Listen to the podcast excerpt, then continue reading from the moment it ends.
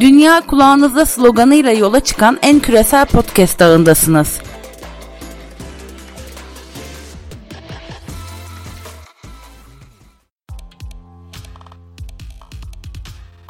İngiltere Pod'dan herkese merhabalar. Sizlere sağlıklı ve güzel bir hafta diliyorum. Bugün dördüncü bölümle karşınızdayız. Daha doğrusu kulaklığınızdayız. Ben Osman Hulusi, burası Cambridge, İngiltere. Bu hafta gündemimizde yani İngiltere'nin gündeminde HSBC, koronavirüs, Brexit, TikTok ve Beşiktaşlı Lawrence var. Hemen vakit kaybetmeden gündemimize geçelim diyorum.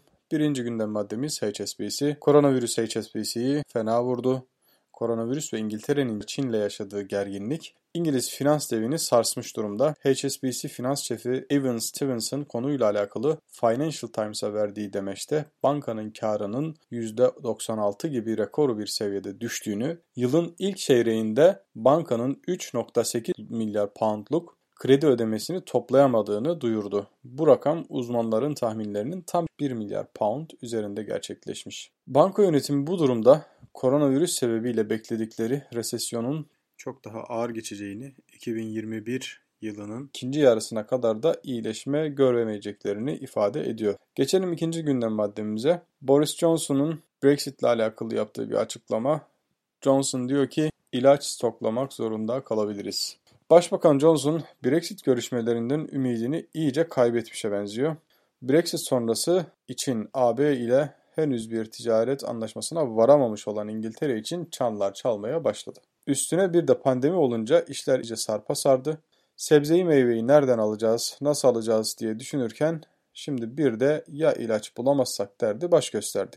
Başbakan Johnson geçtiğimiz günlerde anlaşmasız Brexit ihtimalinden dolayı ülkesinin şimdiden ilaç stoklamak zorunda kalabileceğini duyurdu. Özellikle bazı stratejik ilaçlar mesela koronavirüste kullanılan ilaçlar çok önemli. Bu da önümüzdeki aylarda çokça konuşacağımız meseleler arasına girecek gibi görünüyor. Üçüncü meselemiz yine sağlık alanından pandemi ile alakalı yürütülen, İngiltere'de yürütülen mücadelede birçok eksikler olduğu söyleniyor. Bu eksikler eleştiriliyor. Hükümet buradan epey bir eleştiri alıyor. Bunlardan birini de Daily Mirror gazetesi yapmış. Daily Mirror manşetinde filyasyon fiyaskosu saatli bombaya dönüştü demiş. Daily Mirror manşetinde koronavirüse karşı verilen mücadelenin yetersiz olduğunu ifade ediyor. Türkiye'de filyasyon dediğimiz test ve takip sisteminin İngiltere'de bir fiyaskoya dönüştüğü ve Aralık ayında patlayacak bir saatli bomba haline geldiği iddia ediliyor. Bu arada filyasyon sistemi yani Türkiye'nin Mart ayı başından bu yana yaptığı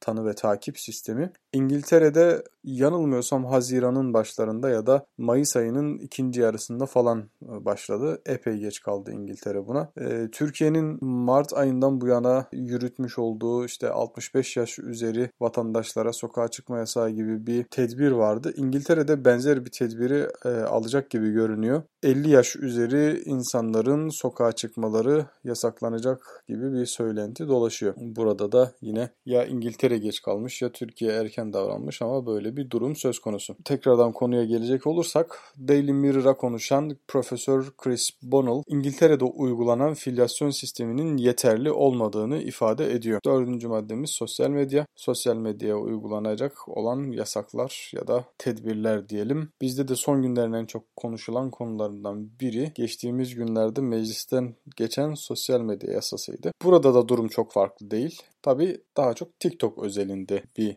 e, durum yaşanıyor İngiltere'de. Amerika'da çok daha güncel bir konu hepinizin malumu. Çin menşeli video paylaşım sitesi TikTok bütün dünyada şüpheler üzerinde çekmeye devam ediyor hali hazırda. Batı'nın sosyal medyası tarafından ya da işte arama motorları tarafından dünya olarak izlenmeye alıştık Şimdi Çin'in sosyal medyası ya da Çin'in işte internet e, siteleri tarafından izlenmek bizde alerji yaptı. Yani daha yeni yeni uyanıyoruz. Batı da buna yeni yeni uyanıyor. Yani daha doğrusu Batı hiç bilmediği bir şeyle karşı karşıya kalıyor. Önceden onlar izlerdi Big Brother onlardı. Şimdi bir başkası da ben de Big Brother olacağım derdinde. E, Batı da bunu hazmedemiyor gördüğümüz kadarıyla. Tabii yani Çin ve Çin'in e, sosyal medyası TikTok ya da işte Rusya'nın Yandex'i e, ya da WeChat bunlar tabi Google'da, Twitter'da Facebook'ta hiç masum platformlar değil. Bunların her birinin alttan alta istihbari faaliyetler yürüttüğünü, telefonları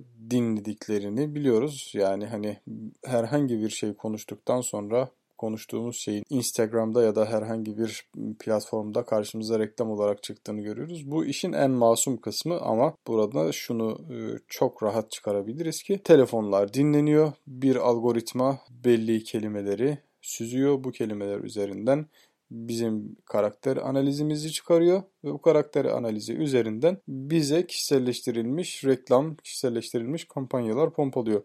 Amerika'da Cambridge Analytica'nın Facebook üzerinden seçimlerde yaptığı yaptırdığı manipülasyonu hepimiz biliyoruz zaten. Gelecek buna doğru gidiyor. Biz de tedbirimizi ne kadar alıyoruz bilmiyoruz ama Amerika TikTok'u yasaklamaya kadar işi götürecek gibi görünüyor. Şimdi ABD Başkanı Trump'ın TikTok'u kapatma tehditlerini konuştuğumuz bugünlerde İngiltere'de ilginç bir gelişme yaşanıyor. TikTok'un Londra'ya bir yönetim merkezi kurmak için İngiltere hükümetinde hükümetiyle prensipte anlaştığı, hükümetten prensipte izin aldığı daha doğrusu bilgisi sızdırıldı. İngiltere parlamentosundaki Çin araştırmaları grubu üyesi vekiller ise hükümete bir çağrı yaparak kararı iyice düşünmeye ve bir siber güvenlik ekibinden destek almaya davet etti. Vekiller TikTok'un ofis açmasına prensip olarak karşı çıkmadıklarını ancak sistemin kodlarının detaylı şekilde incelenmesinin ve güvenlik riski oluşturabilecek herhangi bir şey varsa tespit edilip gereğinin yapılmasını istiyorlar. Gelelim son maddemize. Son maddemiz bizim yakından tanıdığımız bir isimle alakalı Beşiktaşlı Lawrence. Şimdi hepimiz Arabistan Lawrence'ı biliyoruz. Efsanevi İngiliz ajanı. Şimdi onun güncel bir versiyonuyla karşı karşıyayız. Ya da işin siyasi magazin kısmını sevdiğimiz için biliyoruz. Efsanevi İngiliz ajanı. Şimdi onun güncel versiyonu ile karşı karşıyayız ya da işin siyasi magazin kısmını sevdiğimiz için ikisini birbirine benzetiyoruz. Her iki durumda da geçtiğimiz günlerde konuşmaya değer bir gelişme yaşandı. İngiltere'nin eski Ankara Büyükelçisi ya da Ankara eski Büyükelçisi Richard Moore, İngiliz istihbarat servisi MI6'in başına getirildi. Moore ilginç bir karakter. Mesela Türkçesi çok iyi. Hatta atamasıyla ilgili yapılan resmi duyuruda kısa özgeçmişi paylaşılmıştı. Orada 3 e, özelliği sayılmış Moore'un. Yani bu bahsettiğim Gov.uk yani buranın e-devleti diyebileceğimiz yerden yapılan duyuru. O sayılan 3 özelliğinden biri akıcı şekilde Türkçe konuşuyor olması e, idi. Bunu özellikle öne çıkarmışlar. Diğer yandan Moore aktif bir şekilde Twitter kullanıyor. Bunun yanı sıra Twitter önemli ölçüde Türkçe de kullanmayı seviyor. Türkiye'deyken Twitter'da Türk kullanıcılarla girmiş olduğu polemikler de bugün hala hafızalarda. İşin gülümsetici tarafı ise şu. Richard Moore kendisinin ajan olduğunu söyleyen Türk Twitter kullanıcılarını zamanında epey tiye almış. Hatta onları komplocu olmakla suçlamıştı. Bugüne geldiğimizde o kullanıcıların aslında çok da haksız olmadıkları ortaya çıktı. Ya da bunların hepsi birer rastlantı. Bu atama ile ilgili aslında benim dikkat çekmek istediğim başka bir husus var. Geçen haftaki bölümü dinleyenler hatırlayacaktır. MI6 Orta Doğu'da bazı ülkelerin işte Suudi Arabistan, e, Birleşik Arap Emirlikleri, Mısır, Ürdün, birkaç ülke daha vardı. Afrika'dan da birkaç ülke vardı. Gibi ülkelerin istihbarat teşkilatlarına, ajanlarına belli eğitimler vermişti.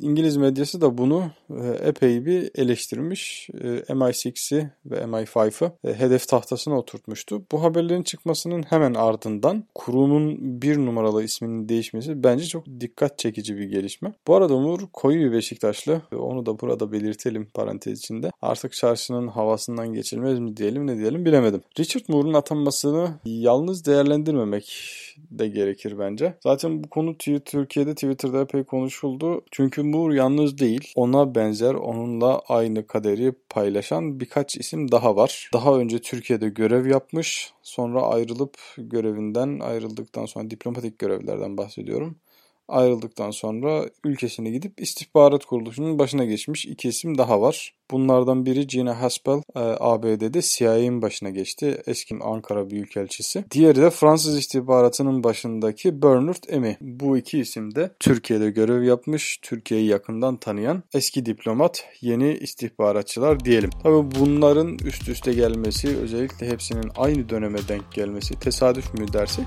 e, biraz zorlama bir tesadüf olur. E, öyle görünüyor. Ama hani hangi e, gerekçeyle hangi saikle böyle bir adım atıyor bu ülkeler. Bunu da kendileri bilir. Bu kadar tesadüfün üst üste olması da biraz akla uzak geliyor açıkçası. Onlar da bizi yakından tanıyor. Biz onları ne kadar tanıyoruz bilemiyorum tabii de. Hayırlısı olsun diyelim günün sonunda. Ee, konuşacaklarımızı dinlediğiniz için hepinize çok teşekkür ederim. Haftaya tekrardan görüşmek ümidiyle kendinize iyi bakın. Sağlıcakla kalın efendim.